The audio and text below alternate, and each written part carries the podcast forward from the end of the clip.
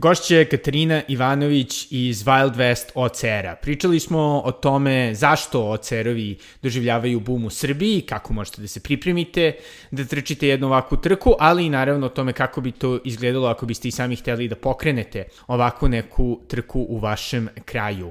E, za sve zainteresovane, e, prijeve za Wild West će se uskoro otvoriti, a takođe bih htio da vas podsjetim da pokretače možete podržati i preko Patreona, adresi patreon.com, kosacrta Belgrade. I ovo je Katarina Ivanović iz Wild West OCR-a. Žao mi je zato što ne mogu da budem u prelepom Gornji Milanovcu ili ovaj, jednako lepom, neki bi rekli možda i lepšoj ovaj, ovčarsko-kablarskoj klisuri da, da, da pričam uživo. Za malo da ovaj, i učestvujem na OCR-u prošle godine. Nažalost, povredio sam se, ali moja prijateljica iz teretane rekla da je imala fantastično iskustvo, najboljih OCR-ova u Srbiji, čak i izglasan kao najbolji OCR 2022. Pa šta je tajna, po tvojom mišljenju, ovaj, Wild West? E, hvala ti puno srđane na ovakvoj najavi i na pozivu uopšte da razgovaramo na ovu temu, pogotovo na temu Wild Westa, jer mislim da je tajna celokupnog Wild Westa i naša zajednica koju okupljamo u tome što mi zaista volimo to što radimo i zaista to radimo iz e, čistog entuzijazma i za sada smo i zadržali upravo taj entuzijazam koji nas ne popušta iz godine u godinu, uprkos raznim problemima, preprekama i svemu što može da te zadesi u organizaciji trke.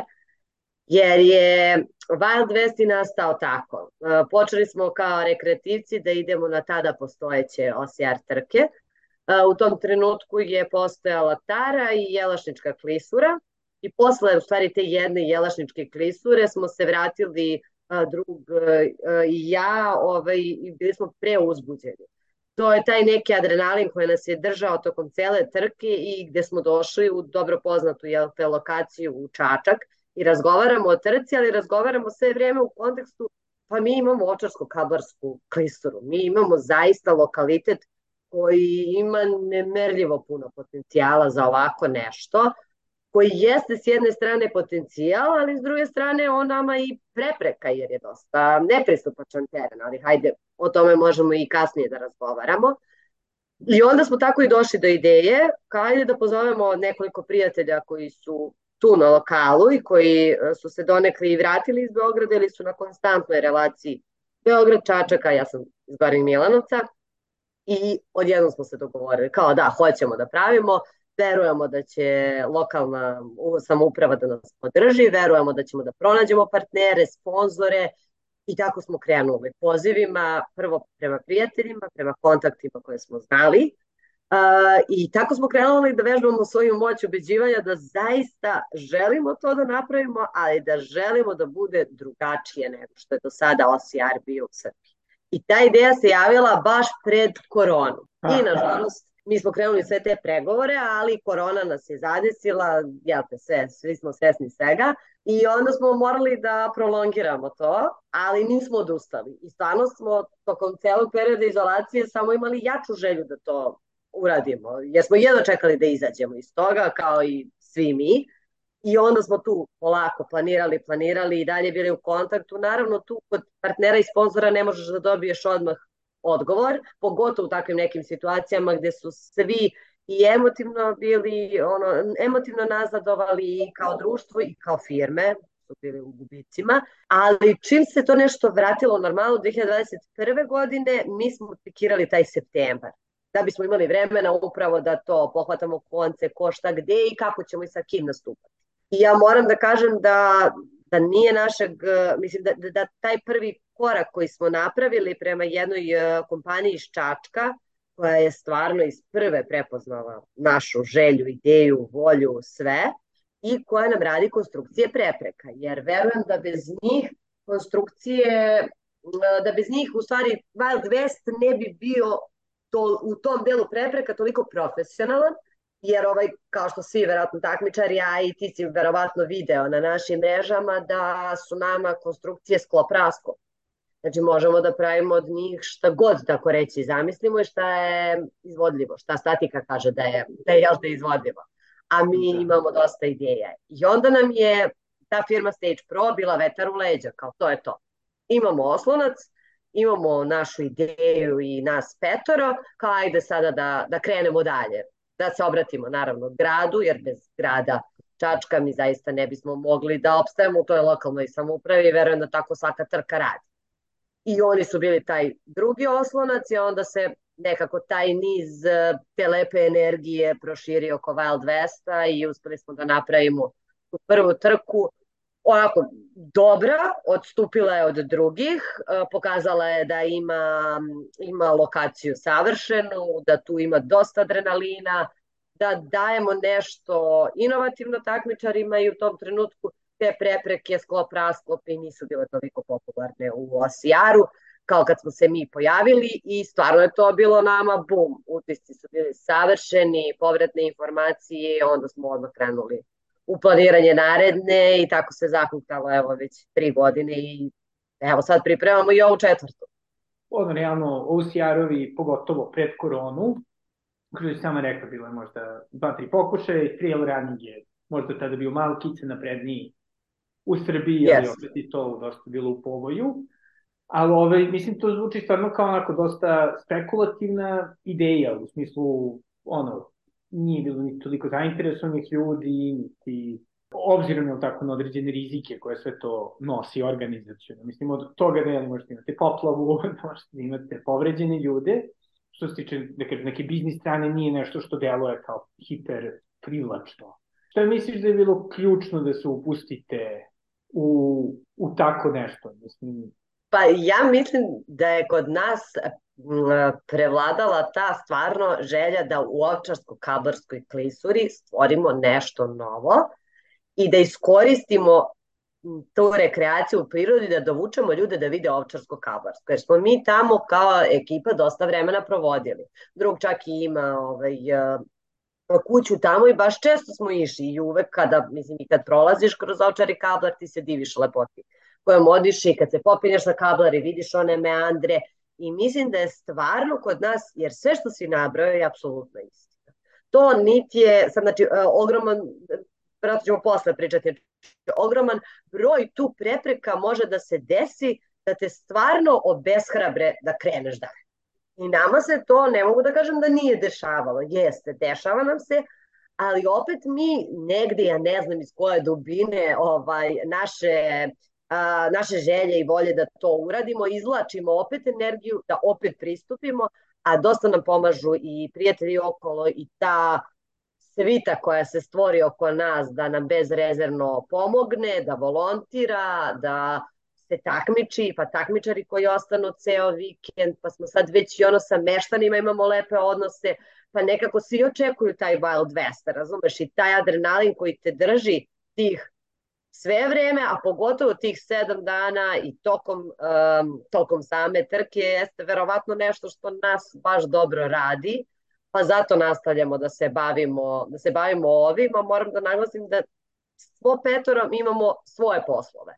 Razumiješ, da. nis, nemamo teretanu, nemamo organizaciju za sebe, znači ne bavimo se sportom kao takvim, kao prodajom sportskih aktivnosti. Nama je Wild West glavna sportska aktivnost od koje mi pokušavamo da napravimo, da ona barem sama po sebi bude održiva, ali mi nemamo teretanu kojom se bavimo, pa tu imamo vojsku ljudi koji treniraju i možemo da privučemo na to. Ja, ja zbaviti turizmom ili neko od vas? Ne, znači evo kad bi čuo ko šta od nas radi, uh, nemamo dodirnih tačaka ni sa turizmom. Ja sam ono u projektnom menadžmentu u jednoj međunarodnoj organizaciji, koleginica radi, dobro, koleginica koja radi inače društvene mreže i marketing, ona se time i bavi. Imamo jednog ovaj, druga koji je difovac, koji je završio DIF, ali se trenutno ne bavi time, ali on bi imao ovaj, mogućnosti da to razvija. Imamo jednu preduzetnika i ovaj i jednog ekološki osvešćenog čoveka koji ima razne projekte za sebe, a poprilično se svode na muzičke projekte. Tako da je stvarno šarolika ekipa koja stoji za Wild Westa i možda je u tome i draž, razumeš, Wild Westa kao, zato što stvarno nemamo tih nekih, naravno moramo biti održivi, ali ne idemo samo u smeru komercijalne prodaje, već idemo u smeru tog nekog zajedničkog duha i kampa, mislim, nama je, žao mi je što nisi bio ove godine, što si se povredio, ali kamp koji dobijamo za korišćenje je zaista raj na zemlji i baza bez koje uh, Wild West ne bi bio ist. Je li to bilo ti... od prvoga Wild Westa? Jes, da. jes, jes, jes, jes, jes. Kamp postoji ovčar banji i ti si stvarno iza tebe ovčar, tu je ovaj kamp odmah, gledaš na kablar, ujutru ustaneš i ono, teo taj ceo taj, a kako se popularno kaže, vibe koji se stvori oko Wild Westa je divan i to je ono što nas, što nas i dalje ovaj, motiviše. Da, jedna stvar koja meni onako baš kod svih ono OCR-ova dosta zabavno, to je, mislim, pošto je li ono, radi se o vrlo fizički i ono, napornim stvarima stvarima gde jel, imate ono, možete da nosite ljude na duši, da, da budemo ono, teatralni. Jeste. Ove, kako izgleda što projektovanje jedne rute i naravno održavanje isto? Mislim kako da. ste se odlučili da imate, jel tako, 10 i 23. Jeste. Ovaj... Samo uz ovčare, druga je, jel tako, i ovčar i kablar. I ovčar i kablar, da. Prve godine je to bio uh, obrnuto je bilo. Mislim, 23 ili 21 u zavisnosti kako nam ruta dozvoli i koliko je teška, ide uvek ovčar kablar i prelazak reke Moravi, to po nekoliko puta najčešće. A prve godine je bio samo kavlar, 10 km ili 12 je bilo, ja mislim, a druge dve godine smo promenili na ovčar. Pa sad opet evo razmatramo situaciju, šta radi. Ruta se formira, zašto dve trke? Zato što smo imali dve ciljne grupe. Da imamo tu stvarno ekstremne avanturiste koji žele da ispuste dušu na dve planine i kojima nije dovoljno samo da se popenju na očar ili kablar i tu smo ciljali njih jer donekle sve ostale OCR trke nemaju toliko ekstremnu distancu, to jest imaju distancu, ali nemaju baš toliko elevaciju i toliko ovaj, naporne uspone i, i sjelaske. A desetka, jer onda bismo otišli u jednu krajnost gde bismo imali mali broj takmičara, jer 23 km dosta manji broj ljudi se prijavi na... Ja mislim da je odnos 70 prema 30. Tako da 10 nam je za rekreativce, za ljude koji žele, na primjer, prvi put da posete ovčar banju, prvi put da probaju nešto tako i prvi put da se okušaju na OCR trkama. Zato smo i stavili to i definitivno 10 km je nešto što se ljudima verovatno više dopada, gde osete sav adrenalin, osete lepotu uh, rute, a s druge strane ne preforsiraju se. Naravno, nekima je i 23 malo Tako da svako prema svojim kapacitetima i željama i onda dolazi do toga da brainstormujemo. Nema sad tu puno opcija. Uh, ekipa koja radi ruti, koja radi prepreke, ima izbora, ali ne previše, zato što je ovčar ajde, tu i tamo mogu da se pronađu rute, da ne budu preteške, ali na kablaru otprilike imaš određene staze kojima će se takmičari kretati, jer ukoliko ih sprovedeš na neke druge, to već može biti stvarno much za sve. I onda tu se, razumeš, te, dovijamo da ne bude uvek isto, znači moramo smisliti neku promenu sa jedne strane, a sa druge strane moraš da gledaš i gde možda postaviš prepreke. Da. Prvo, nama na kablaru postoje možda dve, dva spota gde možeš da, da priđeš kamionom. Kamionom i to ono da se dovijaš iz dva, tri puta i tako dalje. Tako da moramo obratiti pažnju na to. Onda ove godine dolazimo u situaciju da nema uspona do vrha kablara. Znači, pre sedam dana pred nam javljaju da ne mogu takmičari da prođu. Kao što svi znamo, tu postoji sada ovaj izgradnja vidikovca na vrhu kablara, postoje ljudi koji su da, koji su protiv i jednostavno nije nam dozvoljeno da prođu, da, da prođe 300 stotine takmičara na tom rutom. Tako da menjamo rutu u sedam dana. Sve te nepredviđene okolnosti i te neke ovaj, krizne komunikacije moraju da se reaguju odmah i da se naravno obaveste svi takmičari promeni, ali tu dolazimo na dosta razumevanja jer sve što je viša sila kako bih vam rekla, nije, na, nije u našim rukama i mi bismo rado ostali pri, pri inicijalnom planu, ali nekad se ovaj, ne događa tako. E, to je jedno što se tiče rute, a s druge strane gledamo i da bude zanimljivo takmičarima, da ne bude nešto što je ne samo preteško, nego nešto što je, na primjer, samo u šumovitom predelu, pa nemaš ni jedan pogled. Znaš, da, da o, otprilike ne znaš ni gdje si trčao, ni šta si radio nego volimo da ih popenjemo barem na proplanak na ovčaru, da vide, da, da, da skontaju gde su bili. ka, ka, kablar, kažem, meandri, to nema lepšeg pogleda u Srbiji posle Uvca, ja verujem. Da. Tako da, ovaj, tako da su to neki kriterijumi i to radi naša ekipa koja je domaća na, na Ovčarsko-Kablarskoj klisuri uz, moram da kažem, veliku podršku planinarskog ovaj planinarskog društva Kablar, koji em što su sa nama na sam dan trke, em i pre toga rade sa nama markaciju, a nakon toga i demarkaciju rute, što nam mnogo znači i baš su nam od velike pomoći jer verujem da bez njih a, dosta bismo, logistički bi nam bilo tež, teško da sve to postigne. Da, što se tiče izbora prepreka i same konstrukcije prepreka, kako to izgleda? E da, ovaj, svake godine se trudimo da promenimo određeni broj prepreka i da to budu zaista neke ono atraktivne, bombastične prepreke na kojima će ljudima znaš, pratimo i pratimo ljude šta rade po Srbiji. Onda se trudimo zaista da gledamo negde svetske i regionalne lidere u OCR-u kako bismo mogli ovaj, da, da to primenimo kod nas i šta nam se dopadne, odmah šaljemo izvođačima radova, ovaj, našim partnerima da vidimo da li je to logistički moguće.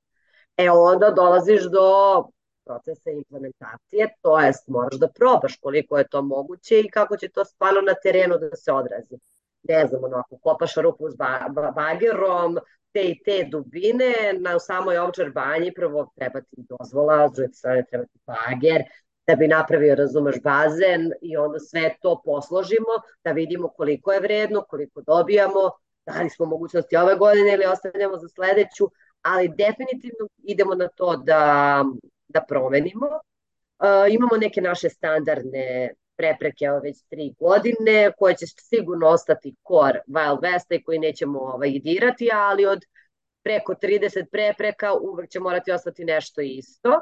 Ove godine možemo da obećamo da ćemo se truditi da imamo i neke, kako bih rekla, lakše prepreke, a zanimljivije, jer to ovaj, imamo kao preporuku, kao povratnu informaciju. Uh, I imaćemo i neke neke baš, baš nove, ove što, što, što, što OCR trkači nisu videli, nisu videli za sada kod nas.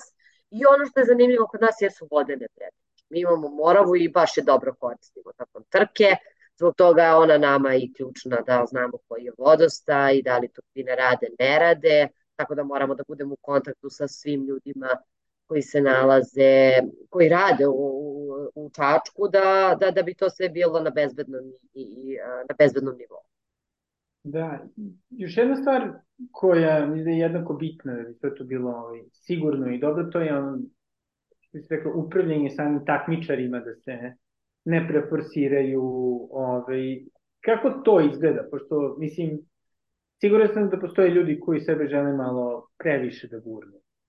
Da, E pa iskreno da ti kažem, tu možda dolazimo do najvećeg izazova, jer a, zaista s jedne strane smatramo da su, da ljudi treba da pomeraju svoje granice, ali onda postaviš pitanje kao, da li čovek zna koja mu je bila granica i koliko sme da pušuje sebe da, da, kao, da, da bi bio zadovoljan da ju je pomerio, ili ide ono kao glavom bez obzira pa dokle stigne do pucanja i onda ovaj, imaš najčešće ozbiljne povrede i onda prekidaš apsolutno sve, lepotu uživanja.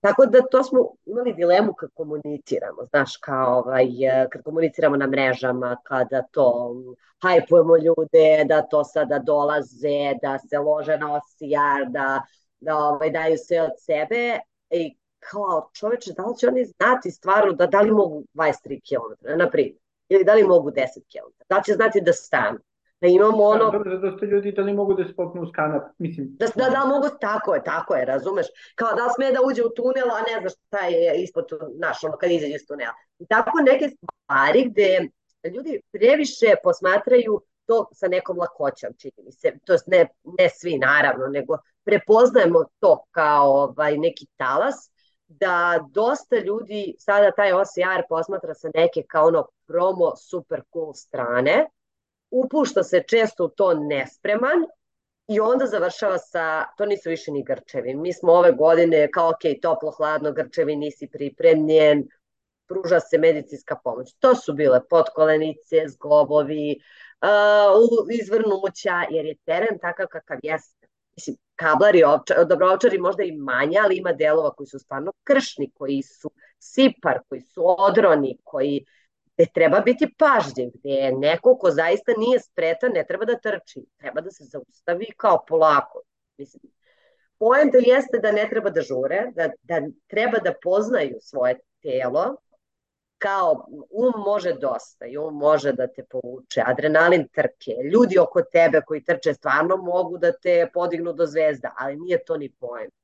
Poenta je da ti budeš u skladu um telo i samim tim da prepoznaš kada ti je dosta, kada treba da usporiš, koji je tvoj ritam da te ne povuče onaj prvi talas, mislim, ja kao trkač iz moje perspektive to, to gledam. Trčala sam i duže i kraće distance i uvek sam imala neki svoj ritam. Čim pogledam na satu da sam previše spustila, na primer, pace, ja se vraćam u normalu, jer znam da ne mogu da je završim onda onako kako ja hoću sa lakoćom. Jer nije poenta stvarno da dođu ljudi da se muče i kao da, da je to super. Super što smo se izmučili, kao otprilike imamo tri posekotine i neću moći da hodam narednih mesec dana, poenta da odeš ono super, super ovaj, zdravi i da se takav isti vratiš sledeće godine i da nastaviš sa treningom posle tri dana. Mislim da je to poenta i sad samo to treba ovaj, treba preneti ljudima. Mi se trudimo zaista, ali kao sve je, naš, sve je u umu trkača. Da, dobro, ovaj, pretpostavljam da isto i čuvari prepreka mogu malo. Mogu, jeste. O, o, mislim, sad dolazimo do nove teme, čuvari i sudije na, na preprekama, što isto često ume da bude kao veliki minus na OCR trkama, pogotovo u našoj trci koja ima preko 30 prepreka, pa ti to znači da ti treba 60 ljudi samo na preprekama, koje su razbacane na dve planine. Ove, treba odvesti, dovesti, objasniti i onda dolaziš do toga da oni motivišu, govore, I, a, mi smo imali to, na primjer, ove godine, a kao da ih, meni jedan dečko prepričao, kao da me ne čuju. To je kao, znaš, ono, kao on trči, on je došao, tu više me ne čuje ni šta treba da radim ni šta je pravilno da uradi. A u principu od njih dosta zavisi kako ćeš pravilno uraditi, uraditi vežbu. I sad da. mi njima kažemo motivišite ljude, to je sve super, bodrite ih da pređu, ali im pre svega napomenite kako se prelazi prepreka, pogotovo te neke visoko rizične, ajde reci. Mislim, rizičnije, nije visoko rizične, ali rizičnije gde mogu da se povrede i koje izgledaju onako malo, malo zastrašujuće. I na tim onda, onda te sudije briefuješ malo dodatno da, da, ovaj, da osim te motivacije pruže i, i korisne informacije takmičarima. Da, ili da ih nateraju da radi burpee To je uvek, to je uvek um, legitimno, zašto da ne? Dobro, ste vi ikad imali ono pitanje kao, a šta će vam to da se mučite, šta se zezate oko toga? Pa ja ovaj, moram da priznam, apsolutno da, i od strane porodice, od strane drugih prijatelja, koji često, znaš šta je tu isto zanimljivo, što čim nemaš neku veliku finansijsku motivaciju, ljudima je to u fazonu, bože, zašto bi se onda bavio tim, šta je onda, šta je tvoj motiv da trošiš, prvo trošiš svoje vreme, odvajaš uh, od uh, svog novca da bi započeo nešto i da bi izgurao do kraja i onda ulaziš u rizik da ćeš biti možda u potencijalnim dugovima ukoliko ti se, na, primjer, nešto desi i svi ti rizici za šta? Da bi se mučio. A ovaj, i takva pitanja su inače kad se baviš ovaj, i kad ti trkač, a ne kad si organizator. Znači, kad ti trkač, mene isto mama pitala, dete šta ti je, zašto bi išla ono, u blato, hladno, valjala se, kao da nije lepše da seš. Ali to je, ja mislim, do osoba i do te neke uh, zavisnosti od tog nekog adrenalina koje ti uh, svi ti sportovi malo više avanturistički daju i jednostavno taj osjećaj nakon trke ne možeš objasniti nekome ko nije to prošao i ko to ne voli. I mislim da nema ni poente toliko objašnjavati osim pronaći neku paralelu pa mu napraviti sa nečim paralelu sa što on voli i onda uporediti ta dva osjećaja, jer ako stvarno neko nije sportski tip i ne želi da se bavi time, mislim da je da je izlišno nekome to objašnjavati kao kako se ti osjećaš posle završene trke, a to samo trkači znaju. Posle uspešne i lepe trke i la, lagodne i lake trke nema lepšeg osjećaja. Često je teško ono nakaniti se na to, ali kad klikneš tamo i uplatiš, meni je to barem u glavi bilo, ono kao kad uplatim trku, to je to, ja sam sad počela da se spremam. Jer ja sam sad, na primjer, posle, ne znam, tri godine uplatila neki polumaraton u Kotoru. Ja sam preuzbuđena samo što sam uplatila, jer znam da je to okidač da ja krenem sada ozbiljnije, da se vraćam u formu. I to mi je baš zanimljivo sada da radim u naredna dva meseca, da vidim da li ja mogu ponovo da istračim tu distancu. Da, siguran sam, siguran sam da ćeš moći. Da li postojala neka, da kažem, prva trka koja ti nekako više ubacila u ceo ovaj svet? Mislim, ne samo Osjarova, nego trčanja i da kažem, malo ekstremniji. Pa da, ja sam standardno krenula sa tim, kako se zove, e, trkama, asfaltnim polumaratonima. Onda sam se brzo navukla na te polumaratonske trke, to mi je bilo prezanimljivo i dosta sam ih trčala, a krenula sam apsolutno slučajno i što moja drugarica voljela da kaže, krenula sam u Texas Shortsu na, na, na, na ovaj trening, grupni treninzi su tad posta, postali popularni u Beogradu.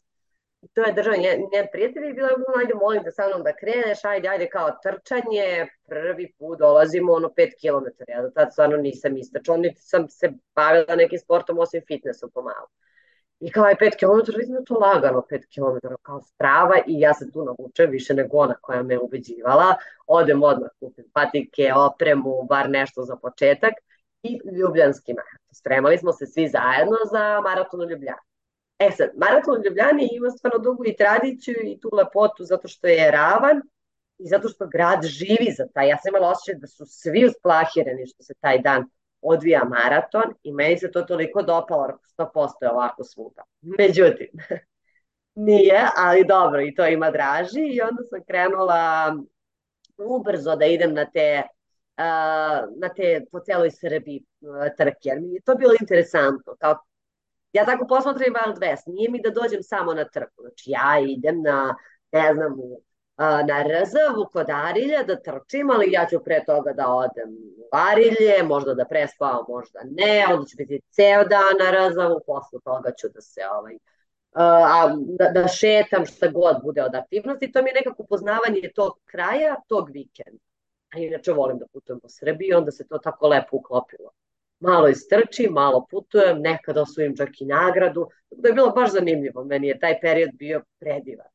I to je ono što me i dovuklo i uvuklo u Wild West. A jel si uglavnom radila to da s nekom istom grupom ljudi ili po nekak solo? Na, na početku je bila grupa ljudi, a ona se krenula da se osipa lagano i nije mi bio problem to da radim kao sama. U, toj, u tom smislu kao ta moja osnovna grupa, neki su prestali, neki su nastavili sa manjim intenzitetom da trče, uvek je tu bila jedna, dve osobe koja bi istečala neku trku sa mnom, ako ne, odem sama sa prijateljima koji ne trče, uh, kažem ti, to nam bude vikend, moje bude to da istrčim, ja imam svoju tu aktivnost, oni me sačekaju, super, ono, kao na cilju i idemo dalje. I ovaj, upoznaš se, ja, ja kažem, poprilično postane to sve onako kao neka grupacija i zajednica ljudi koja se ponavlja. I onda ti dosta ljudi tu i upoznaš kroz, kroz tr, kroz trku, znači stvara se trkačka zajednica i ljudi se ponavljaju. Pogotovo na tim osijarovima, pa gledaj samo za vreme Wild Westa, ja ono otprilike se ljude na kraju znamo, kao poznati su na pogotovo ovi što dolaze već treći put, sa njima smo ono, sa, i ostvarili neke saradnje i prijateljstva i oni dolaze sad sa novim idejama, vole da nam vrate ovaj povratnu informaciju, zamerke, pohvale, jer taj ta zajednica, jel te, community je baš bitan za kreiranje ovaj, bolje trke. I mi volimo da ih slušamo. I volimo i da ih slušamo i da ih pitamo i da to posle usvojimo i dosta o njihovim komentarima razgovaramo, razgovaramo u timu. Kako si odlučila da se znači od ovog osnovčeno običnog trčanja po asfaltu prebaciš na ove malo ekstremnije stvari? Pošto meni lično je to, moram da priznam, baš bilo teško, jer kao ovde možeš, ne znam, da se umoriš, a ovde možeš da ono slomiš ruku, na primjer. Mislim, yes. ako nisi da, da, da. pretirano sportski. E, da, ovaj, pa znaš kako, a, priroda.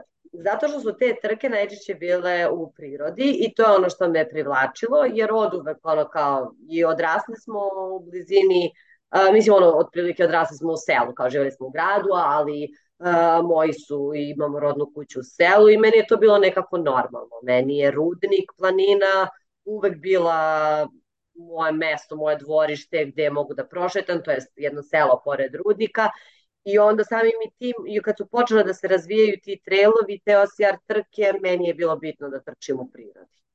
Jeste drugačiji, sama tehnika trčanja i priprema jesu drugačije, zato što upravo to imaš i i, mislim, apsolutno se drugačije spremaš ako trčiš ravno maraton u Ljubljani ili trčiš, ne znam, Durmitor ili Očaško-Kabarsku klistu. Mislim, neće ti biti dobro ako se spremaš samo na ravnom i onda moraš da promeniš i režim treninga i lokaciju gde se pripremaš i onda se dovijaš non stop, moraš da odeš negde da se odvezeš da bi istračao neki uspon i tako dalje, ali meni je to bila draž, nije mi bilo nešto što me opterećuje i nešto što mi je teško. Naravno, ja sam kao i ti pretpostavljam rekreativac, tako da ja ako preskočim pet treninga mene ne interesuje što ima veze. Nisam sad ono kao sportista da mi je to bitno ili da, da, sam se, da se ozbiljno bavim ovim, ovim sportom, nego više rekreativno i za, i za zdravlje ovaj, i psihičko i fizičko ovo radim. Pa da, da, i za ekipu. A kako je, da kažem, izgledalo to, cijela ta ideja oko kampa? Nekako, zašto ste odlučili da, ubaciti taj ono, osnovčeno party deo? Ovaj, a, kamp postoji već u Ovčar banji, to je nekadašnji autokamp, Automoto Saveza Srbije, gde nam je prvo bilo teško da nađemo pravu osobu, to su bile stvarno potragi iz Automoto Saveza, I onda smo pronašli sjajne ljude koji su, kojima smo izložili ideju da nam otvore kamp, da vidimo kao super, tamo ljudi, ovaj, meštani imaju ključeve, ulazimo mi u kamp i oduševimo se na prvo to je zaista ono, pored je reka Morava, prelaziš taj betonski most, odsečen si od svega, ima širinu, ima zelenila, sav je u drveću, ima objekte koji su nama potrebni, jem za skladištenje, jem za registraciju i tako dalje. I mi kažemo, ovo nam mora biti baza. Stvarno, ljudi koji su bili u kampu oduševe se. I prve godine kamp je privukao određeni broj ljudi, ali to nije bilo nešto previše, E, već druge godine se videla ozbiljna razlika. Ozbiljno, ozbiljno su se pripremali da dođu sa šatorima i treći smo imali čak i najavu za kamp, da bismo videli da pokrivamo stvarno kapacitetima. I s druge strane, nama je start i cilj planiran da bude pored kampa. Tako da smo te dve, te dve lokacije iskoristili da sve to onako uklopimo i da odatle i radimo trku i krećemo i onda smo zato imali taj problem tog betonskog mosta koji je ovaj koji ume da poplavi, uh, ume da poplavi tokom godine, jer tu je odmah Morava, znaš, tu, tu je u stvari bila, bila kritična tačka naših poplava prošle godine, ali kažem ti, i to smo se snašli, ljudi su nas ispoštovali i ovaj kamp sada živi kao neka zasebna, a opet je tu jedinica Wild Westa. U kamp dolaze ljudi na žurku, imamo šank, tu je registracija, tu je joga nakon trke, tu je celokupna zabava, tu se služi taj zajednički ručak, tu nam sve onako obitava tri dana i veoma smo zahvalni Automoto Savezu što nam dozvoljava da besplatno koristimo kamp, ne samo mi, nego ovaj, stvarno svi takmičari. Čak ono dođu ljudi sa strane koji se ne takmiče da taj vikend povedu u banji i da ima još dosta aktivnosti u banji tokom tokom vikenda i onda ljudi povedu svoje prijatelje, slavimo rođendane, stvarno bude sjajna, sjajna atmosfera, a opet ono u 12 zna se, sve se gasi, spavanje, mir i tišina, pogotovo pred samu trku. Tako da smo nekako uspostavili taj neki lep režim, bude tu naravno obezbeđenje i za svaki slučaj pa može svašta se desi, ali za sad nikakvih problema nismo imali i nadamo se da ćemo ovaj, sledeće godine imati kamp. Kako je bilo prošle godine kada je ono dve, tri nedelje pred trku krenulo da raste? To je bilo tri dana pred trku, što je najgore. Da, da. Da, mi smo imali baš problem, ovaj, mi smo videli najavljene, najavljene kiše, naravno, ali ovaj, nismo očekivali da će Morava toliko brzo da naveće. Mi smo prognozirali i donekle u dosluhu i sa civilnom zaštitom i sa sektorom za vanredne situacije u Čačku, imali smo informaciju da plave sela od kojih zavisi otprilike da li će Morava poplaviti ili ne. Mi smo pratili tu situaciju na terenu, ali smo ipak krenuli u ponedeljak da postavljamo prepreke, da, to je taj ponedeljak pred trku. I kao za sad se sve čini ok, ovaj, kolege sa terena javljaju sve super, Morava ono nije strašna, izdržat će do subote i posle toga, bla, bla, bla. Sreda jutro, 8, i samo stiže poruka preplavljenje most. Ali nije malo preplavljeno, ono kao predolo. To je haos, to je bujica, razumeš, koja nosi. Mi smo čak imali neke prepreke postavljene preko, to jest tu u kampu, startna zona, cilj, start i tako dalje, ono koje, koje su sada, ti nemaš drugi put do tog dela Ovčar banje. Znači, to je jedini i imaš viseći, čuveni viseći most u Ovčar banji sa jedne strane koji je pešački. To je to. I, ovaj, I ništa, mislim, hitno ide odlaganje, nema šta. S jedne strane, pro, toliko pričamo o bezbednosti i tu kod nas nema, nije bilo neke dileme kao da li ćemo, nećemo, tu opcije nije bilo. Jednostavno smo samo morali da pomerimo koliko god nas to koštalo, morali smo da pomerimo i onda zakazujemo trku za 17. u nadi da će biti bolja, prognoza, međutim jun prošle godine je stvarno sve iznenadio i onda se baš sedam dana pred uh, javljaju da je vanredna situacija u svim čačanskim selima gde stiže do nas informacija da će biti proglašena u čitavom gradu i onda smo kad su proglasili vanrednu situaciju morali jel, da pomerimo trku za septembar jer onda bi krenulo u Ovčar banji su imali još neke dve trke narednog vikenda trail trke, naravno ne bismo ovaj, upadali u termine i onda krenulo ovo leto i kao septembar da. akcija i, ovaj, i onda administrativne začkoljice oko svega toga, ali do. Nismo bili dovoljno pripremljeni, ali sad ćemo se pripremiti za sve elemente. Mora da je bilo zanimljiva ta komunikacija, pošto jeli ono, prvo dve nedelje, pa onda tri meseca. Da, bilo je baš teško, zato što sad treba kao jasno nešto da iskomuniciraš, pritom znaš da će sigurno biti ljudi koji to neće jasno pročitati, a trudiš se da im nacrtaš, a opet, mislim, kao šta je najbolje rešenje. I onda u principu nastradali smo mi koji smo radili administraciju, ali smo se nekako iskobeljali iz toga, bilo je ljudi koje, znaš, ono, sa kojima je teško bilo komunicirati, bilo je super podržavajućih ljudi, ljudi koji su razumeli apsolutnu situaciju, dozvolili smo im sve moguće opcije, tako da, ovaj, ne znam, sa te organizacijske strane bilo nam je stvarno teško, jer to je bio stvarno dodatni posao, pripremaš se za trku, a onda peglaš posledice odlaganja jednog, pa peglaš posledice odlaganja drugog, pa onda se pripremaš opet za trku u septembru. Nije i ovo na novo, ali imaš određenog posla koji treba da završiš. I da, onda kreće trka, onda kreće trka u septembru. Da, uvek je divno kada se tako troškovi ovaj, gomilaju. Da, pritom imao si trošak, određeni trošak samog pa, naravno, da. kretanja ovaj, realizacije, realizacije trke, znaš. Svašta nešto je već stiglo u banju, pa to sad treba da skladištiš. Ma, ma to je, stvarno su bili haotični dani, ali ovaj, kažem, izvukli smo se i to je sve na kraju lepo prošlo, ali treba imati plan B treba stvarno, jer sve više smo svesni ovog ludila sa klimatskim promenama, čak i mi lajici možemo na dnevnom nivou da vidimo da se sve to izrazito brzo menja i da onda ništa više sada, nijedan datum nam neće biti siguran. Kako, kako vi gledate, da kažem, ovu popularizaciju OCR-ova? Šta mislite, zašto su ljudi toliko krenuli da se lože? E, pa nama je baš zanimljivo, ovaj, taj talas Osijarova koji je... Da. Izvin? I takmičar, kažem, i takmičare i, i takmičar. Da, da, da, da, da. A, prvo sa strane trka, to je super, ono što veća, što, što veći spektar i više lokacija za trke, to je i veća raznolikost i više ideja i inicijativa i umrežavanja i svega.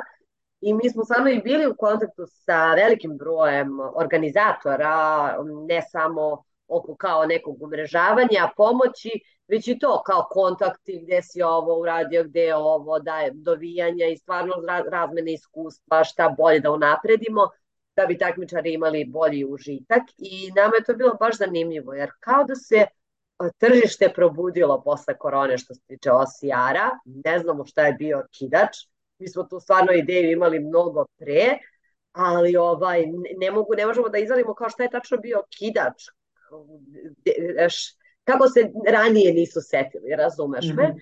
Ili je jednostavno možda i korona to doprinula jer je dosta ljudi krenulo da se bavi rekreacijom. Dosta ljudi krenulo da istražuje šta postoji na tržištu i verujem da su ljudima sinula ideje kao ajde i mi da organizujemo nešto kad imamo potencijal. Um, I onda je meni je lepo što su različite trke. Znaš, sad pričam za osijar, što su neke na planini, neke su na ravnom, neke su na plaži, neke su samo poligoni, neki imaju distance, neki imaju, ne znam, neke su na tvrđavama i onda je to super. Stvarno su, mislim, različiti su događaji kad odeš na te trke, koliko god disciplina kao disciplina ličila jedna na, ličila, u stvari bila ista, ali su različite trke jer je različita lokacija, a u lokaciji je sva draž. To je sa jedne strane, ako takmičara mislim da je definitivno presudilo to što smo bili zatvoreni, što znaš, ono kao, odjednom smo se probudili da upoznajemo Srbiju i da se bavimo rekreacijom, se bavimo sportom i mislim da je to bio presudan moment da dosta ljudi, barem u mojoj okolini, krene da ne samo trči, uopšte da se bavi sportom, da prepoznaje prirodu kao mogućnost zabave, mogućnost druženja i onda su OCR videli da stvarno može biti dobra zabava i da su super, super ljudi, kao da su cool ljudi koje bi upoznali tamo i to je probilo le, definitivno. Da. I nam, mi, smo, mi baš pozitivno gledamo na to i baš nam je drago i da pomognemo i da damo svoju opremu i da pozajmimo i da razgovaramo na temu OCR-a i da se podružimo s ljudima. Super. I jel ste razmišljali da se svi zajedno udružite u neku vrstu, mislim, lige ili... Da, pokušavali pa, smo. poene, pa onda da ne. Pa neke, da, neka liga je, postojala neka zamisao lige. Mi smo učestvovali na jedno, dva, tri sastanka, ali mislim da ne postoji dovoljno dobra, dobar inicijator za to, znači mora neko biti predvodnik. Ja sam za to, apsolutno. Znači, ja, ako pustiš masu sada od 10 osijarova da svako izlaže svoje mišljenje pa da brainstormujemo u nedogled, to nigde nećemo stići, a to se desilo na ta dva sastanka. Mislim da neko mora biti ono kao vođa začetka te lige, da dođe sa jasnim tako, tako, tako, ko hoće, hoće, ko neće, neće i to bi, to bi ono kao pokrenulo tu ideju, to je dovelo do realizacije, ali to je stalo na tome, ali kažem ti, postojalo je nešto načelno načelno da razgovaramo. Mi volimo tako da se sretnemo na trkama pa popričamo. Mi sad često naš tim ide samo kao posmatrač. Dobro, prvenice su, počeli smo, aktivirali su se, pa ćemo krenuti da se, mislim, ne takmičemo, nego samo da učestvujemo. Čim bi super da možemo, ne znam, da se ono, plati, ono, plati pet, dobije šest utrđaja. Pa i to, i da, ono da. kao da ti se boduju trke, kao da na kraju sezone yes završio si toliko trka, bio taj taj rangiran, mislim tu treba umrežiti onda i merače vremena i tako dalje, ali to je stvarno super. Ili makar da dobijemo ove neke, da kažemo, ono, Pečat. neke pečatiće, jer pečatiće, da, da, da pokažemo i kao idemo. Da, to je, meni je to ovaj, kao načalno super, ali eto, samo da nađemo nekog da to radi. Koliko bi neko hteo da krene da se sprema za, za sledeći Wild West, Ima vremena, ako to Ima pitaš. Vremena. Ima Kada sigurno biti? vremena. Neće biti, biće ponovo u junu ili... E, za sada, pazi, e, ovaj, objavljujemo e, datum za nekih 5 dana, ja mislim, 5-6 dana. Dobro. Tako da je ovaj, e, sa, trenutna atmosfera u timu da je to jun, ali u roku od 5 dana mnogo, mnogo što što može da se promeni. Dobro ali ja mislim da će ovaj definitivno to biti u junu, samo da vidimo i sa drugim trkama, zakazanim, nezakazanim, planiranim, da vidimo, ne volimo to da se nešto previše preplićemo, donekle postoji tu negde taj uh, neki inicijalni dogovor kad ko organizuje, da ne bismo ovaj, se preklapali i volimo da se čujemo sa njima, to ćemo malo da, da istražimo i trebalo bi da objavimo uskoro uh, datu, da ovaj, pozovemo trkače da nam se ponovo priključe, A što se tiče samog spremanja za OCR, mislim da definitivno Mislim, ja kao lajk pričam, ne morate mene da uzmete za ozbiljno. Pa dobro, ne kao lajk, ne koji je prošao isto kroz to. Mislim, pa dobro, da, da, koji je prošao, ali nije da se bavim nekim trenerskim poslom. Da. E, definitivno mora da se radi i veština i kondicija i snaga. Mislim, dosta, dosta stvari je taj OCR i meni je zato i zanimljiv, što nije samo kao istrčim, nego zato što upravo imam te prepreke na putu kojima, na kojima pokazuje nekada snagu, a nekada veštinu. I meni je bilo super, ja, ja sam nešto i razmišljala ono o nekim kao logičkim pitanjima tokom trke, Znaš ono kao kad se spremaju, ja mislim da to imaju ovi u gorskoj službi spasavanja, kao istrčiš, ne znam, sprint i onda uzimaš i popunjavaš neki, neki test. Da, e, to da, može isto biti zanimljivo, ono, kao, ne znam koliko bi nas naši takmičari voleli ako to uradimo, ali može da. biti kao neka, ono, čisto sprdnje radi. Jeste, na primjer, ovi da, da kao one stare olimpijade imate onaj umetnički deo, kad neko nešto može da otpeva. Na, da, i to može isto, vidiš, to je super ideja. da, da, Meni su upravo što volimo i da to da menjamo iz godine u godinu i da i na tokom vikenda tog ovaj, dosta stvari se promenio. Pored te tombole koja je bila hit prošle godine, sad planiramo za sledeću godinu nešto novo, da ne, ne bude svake godine isto. Znači, da bude to neki popunjen vikend gde će ljudi stvarno imati uh, zabavu, moći da se odmore, a s druge strane i sutradan ako ostanu u nedelju u Ovčar banji su i kajaci, i vožnje bicikla, i via ferata, postoji kao mogućnost i svašta nešto i onda bi to bilo baš ovaj, lepo da, da iskoriste kad su već tu. Mislim da meni recimo kad se pripremamo za svoj prvi OCR, glavni problem bilo kao kako, ajde vežbati snagu je jasno, vežbati trčanje je manje više jasno, uzbrdo, nizbrdo po raznim da. terenima, ali, ovaj, ali recimo za, za sposobnost, kako si to, to vežbala prvi put? Pa pazi, uh, to je bilo ono kao da li ćeš preskočiti vatru ili nećeš, da li ćeš baciti koplje ili nećeš, to i ne znaš da li, da li znaš, ali kao veruješ, ne, uvek sam verovala u te svoje motoričke sposobnosti.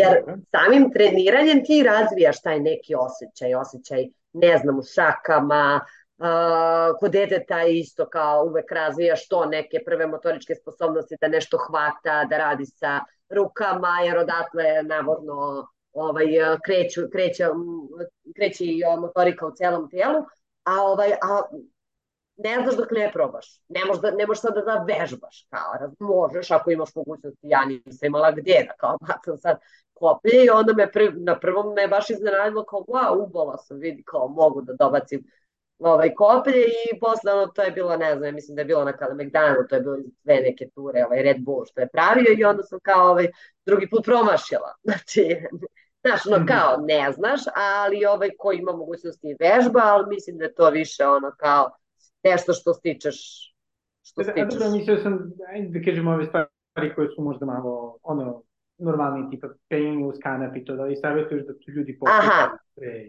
e pa da, da, ja sam to vežbala, da, da, imala sam priliku da vežbam, super je što se sada i taj OCR razvija neke kao disciplina u smislu uh, postoji dosta trenera koji se bave pripremom za OCR, postoje kampovi za te trke sa preprekama, postoje ljudi koji samo ono spremaju ekipe da idu na OCR trke i onda oni imaju, koliko sam videla po, po Instagramu, imaju te kanape, nošenje tereta, znaš, no, sve te neke one merdevine postave u tim halama i onda kao tu vežbaju ljudi. Ja sam ovo, mislim, kao penjanje kanapa meni nikad nije bilo nešto teško, zato što mislim da je to čisto tehnika ali nekome ko, na primjer, nema snage u rukama, krene na ruke, to će sigurno biti teško. Znači, poenta jeste da probaš. Ako, kažem, ti imaš mogućnosti, ali neću da beshrabrim ljude koji nikad nisu se perili s kanap da neće uspeti. Da. I, I da ne treba da se prijave kao, sve je to zabava i da ne uspeš šta uradiš zamjensku vežbu, idemo dalje. Eto ovako, apelujemo na sve ove profesore fizičkog, ako slušaju, teraju da. decu. Da, to je bilo sjajno, a i bilo bi zanimljivo klincima, znaš.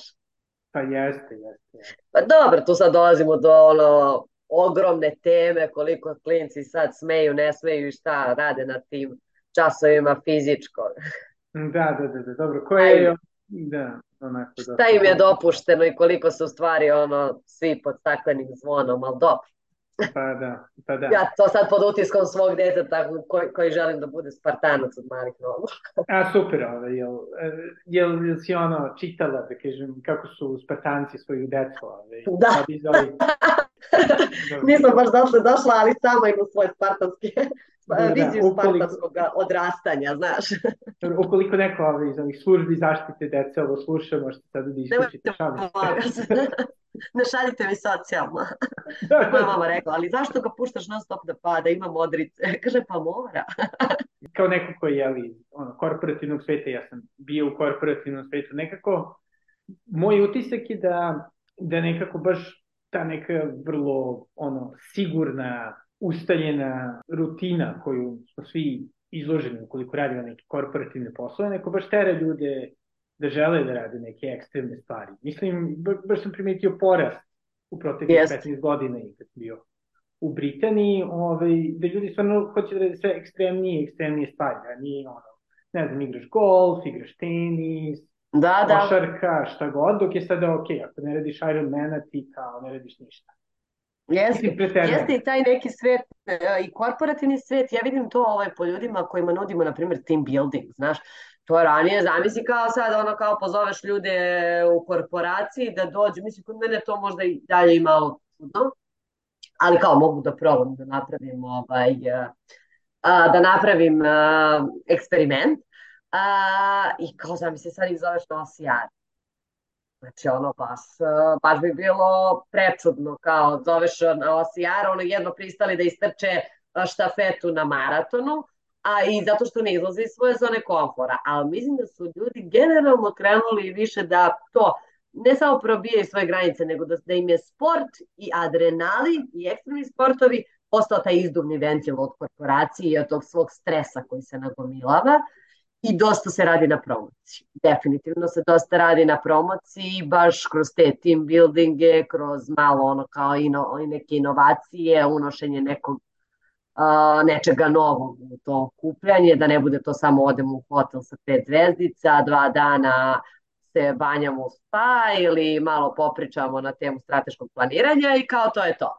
E, a ovo je već sad nešto kao ajmo u prirodi smo, možda to malo prepreke, malo planinarenje, malo ovaj, kajt, kajt, kajak pre, i, ovaj, i onda, onda možda se tu promenila ta svest u korporacijama i kažem ti, verujem da dosta ovaj, agencija sada promovišu to i ljudi koji rade team building nastupaju agresivnije i samim tim i se stvara i ta kritična masa da dođe. Da. Jer ja gledam i kad mi pričamo sa sponsorima, znaš, mi uvek nudimo uh, kotizacije, aktivaciju, zaposleni da dođu i bude ljudi obično nam se od svakog sponzora, od svake firme pojavi određeni broj ljudi koji dođu da trče trku. Dobro, i, i ako se oni povrede, onda kraj. Ja. Da, da, da, da, da, to nam je najkritičnije, ono, čuvajte ove ljude na preprekama. Dobro, naravno da, pretpostavljam da nije tako, da. Ali, ove, ali evo, pomenula si spaj, ali ovčar banja, da, koliko pomaže, da kažem, voda iz ovčar banja, mrtvi i umorni, E, um, ja sam najsrećnija stvarno prvo zato što kad se završi trka, zato što se završila, zato što su svi živi i zdravi, a onda kad pogledam ono mora u puno ljudi koji se banjaju onako u Moravi, kojima je prelepo, jer tu ovaj, imaju neke kaskade na kojima oni mogu da sede u, u samoj reci i tu stvarno bude ono previše ljudi posle, jer verujem da im prija, pogotovo prošle, mislim, godine, da, kada smo imali kišu pred uh, trku, a ujutro je bilo preko 30 stepeni. I bilo je jako sparno, jako teško za trčanje, pogotovo u tom delu ovčara. I imali smo to dosta, da ljudima nije bilo dobro kad su završili, ne u smislu kao da su kolabirali to, nego jednostavno su osjećali tu težinu vazduha i nije, stvarno nije bilo lako za trčanje jer je bila baš vrućina i onda im je morava bila spas. Morava ovaj, im je bila spa. Tako da, su, ovaj, i bila im je i, i spa i bila im je i uh, ovaj, kupatilo za tuširanje, sve im je bila Morava tamo. Super, super, super. I ovaj, šta, bi, šta bi još preporučila ovim ljudima, evo, kad se upute na Wild West sledeće godine? Šta, šta obavezno da vidiš? E, pazi, znači, dolazak zavisi iz kog pravca ideš, ali ajde recimo da ideš iz pravca Beograda, ulaziš u Ovčar banju, definitivno ovaj, pre trke ili posle trke ili kad god moraš svratiti na čačansko pečenje i jel te jednu čašicu rakije. A onda bih preporučila svim ljudima da ono što se mi zaista trudimo jeste ta neka ekološka održivost. I uvek preporučujemo, hajde dođite vozom, dođite autobusom, smanjite ono, e, smanjite izduvne gasove, smanjite uh, traženje parkinga, gužu Ovčar banji i to bismo voleli ove što više da promovišemo i da se fokusiramo na to. takođe da smanjimo i to je da recikliramo sve što može da se reciklira i da smanjimo otpad. A, to isto preporučujemo ljudima da obrate pažnju na to kad dođu u Ovčar banju, da budu smešteni u kampu, da ponesu šatore. Definitivno naša preporuka, naravno postoje i ko, kome nije to komfortna, komforan način uh, odmora, postoje i vikendice i hoteli u blizini. Uh, nedelju bih preporučila definitivno za ljude koji baš vole ekstremnije, Via Ferratu. Uh, Via Ferratu, onda bih preporučila iznenjivanje kajaka, vožnja po Moravi i preporučila bih još uh, samo sekund, aha, obilazak manastira, izvini, to, to, to mi je u glavi, ja hoću da kažem uh, Srpska Sveta Gora, jako, jako popularna destinacija za ljude koji su, koji vole taj crkveni turizam i koji bi voleli da vide manastir u samom srcu Ovčara ili Kablara, definitivno uh, naša preporuka i naravno da dođu na trku tako da ceo dan na trci. Ima sadržaja, zaista ima sadržaja i kažem ti pravimo i subotu popodne žurku, tako da sve nudimo. Mi moram isto da spohvalim, da ste zaista divan dizajn loga, tako to su braće Burazeri uradili. A, dizajn logo nisu. Ne, nisu, a, ok. Nisu, ali sa njima da, sarađujemo na drugom frontu, ali nisu oni radili. Iskreno ti kažem, taj logo je nastao ovaj, a jako nekako na brzinu, a onda smo iz godine u godinu shvatili koliko je lep. Nismo mogli odmah da, da, da shvatimo.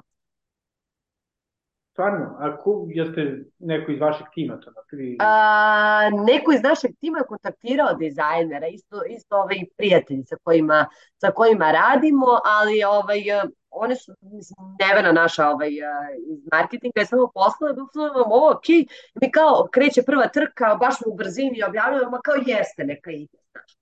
I onda su skontali i naziv isto, ovaj, kao trke nam je bio ludilo, kao u glavi da li hoćemo, nećemo, se sve tako nekako lepo spockalo da sve, sva rešenja nam se sad baš dopadaju. Nije nam kao, e, bez veze nam je možda je trebalo drugačije. Ne, baš nam se sviđaju. I volimo to malo minimalistički da idemo, ništa pretrpano, neke svedene M boje, M te linije, ta harmonija, ovaj, jel te, koju, koju propagiramo da se vidi donekle u tom minimalizmu. Stavi na kraju savjetovala ljudima koji žele u svom kraju da pokrenu neku trku, mislim da li OCR, da li trail, da li ono. Da uvek imaju hrabrosti za pokretanje, jer ovaj, mislim da svaki pokretač ono, neke svoje inicijative, svoje ideje, makar na mikro, mikro nivou, jeste heroj i ja zaista volim da razgovaram sa ljudima koji me inspirišu, i volim da čujem različite ideje, čak ideje koje ono, apsolutno nisam upućena, ali kad mi neko predstavi to i kad vidim taj žar e, i u mladim i u starijim, uzrast nije bitan, samo se ovaj uhvatite posla, verovatno na početku neće biti lako, ali u tome i jeste draž, da ne bude previše lako, jer onda neće biti zanimljivo. Ne, I šta bi rekla da je vama bilo nekako najteže, a da nisi očekivala da će biti teško? Najteže? Pa, e sad iz moje perspektive, to mhm, vjerojatno objektivno nije najteže, ali ja uvek imam taj strah da nećemo imati dovoljno regrutovanih ljudi i da će nam možda zakazati bezbednost. To su mi ta dva straha s kojima bukvalno legnem svako večer pred trku ono, i samo razmišljam o tome. Ja i onda počnem da brojim, brojim, brojim kao na ovoj prepreci oliko. I uvek tu se negde kiksne u smislu to, ali niko nije zbog toga ovaj, imao neke teže posledice, da li je volonter bio na prepreci ili nije. Ali ja to nekako u glavi imam to kao gorući problem da nam treba I sad mi i dalje trudimo da u stvari od trke napravimo, da sada imamo neke strateške planove u napred planiranje, u napred regrutovanje upravo volontera i ljudi koji će, koji će da pomoći tog dana. I ovaj, jer stvarno nije lako, to je ogroman broj ljudi. Nama treba minimalno 120 Da, eto, tako da ukoliko, ukoliko ste ovaj, oko ditačka, zainteresovani da. tamo, prijavite se. Pomozite. Prijavite se i zovite ako imate neke ideje da unapredimo Wild West, mi širimo ekipu, mi volimo i unapred da ljudi rade sa nama u smislu na izgradnji samoj, ne samo kad dođe do trke, tako da već sad smo otvoreni za ideje i saradnju za 2024. Katarina, još nešto bih htjela da dodaš? Ja sam sasvim ok, hvala tebi na pozivu, meni je baš bilo ugodno da pričam i baš sam se lepo osjećala, hvala ti na ovako lepim i pitanjima i podstreku da razgovaramo o ovoj temi i nadam se da ćemo se videti na Wild Westu sad u junu. Ja. Ukoliko meni ovaj, moj sinusi i krsta posluže, svakako. Drži se, bit će. Radi na tome.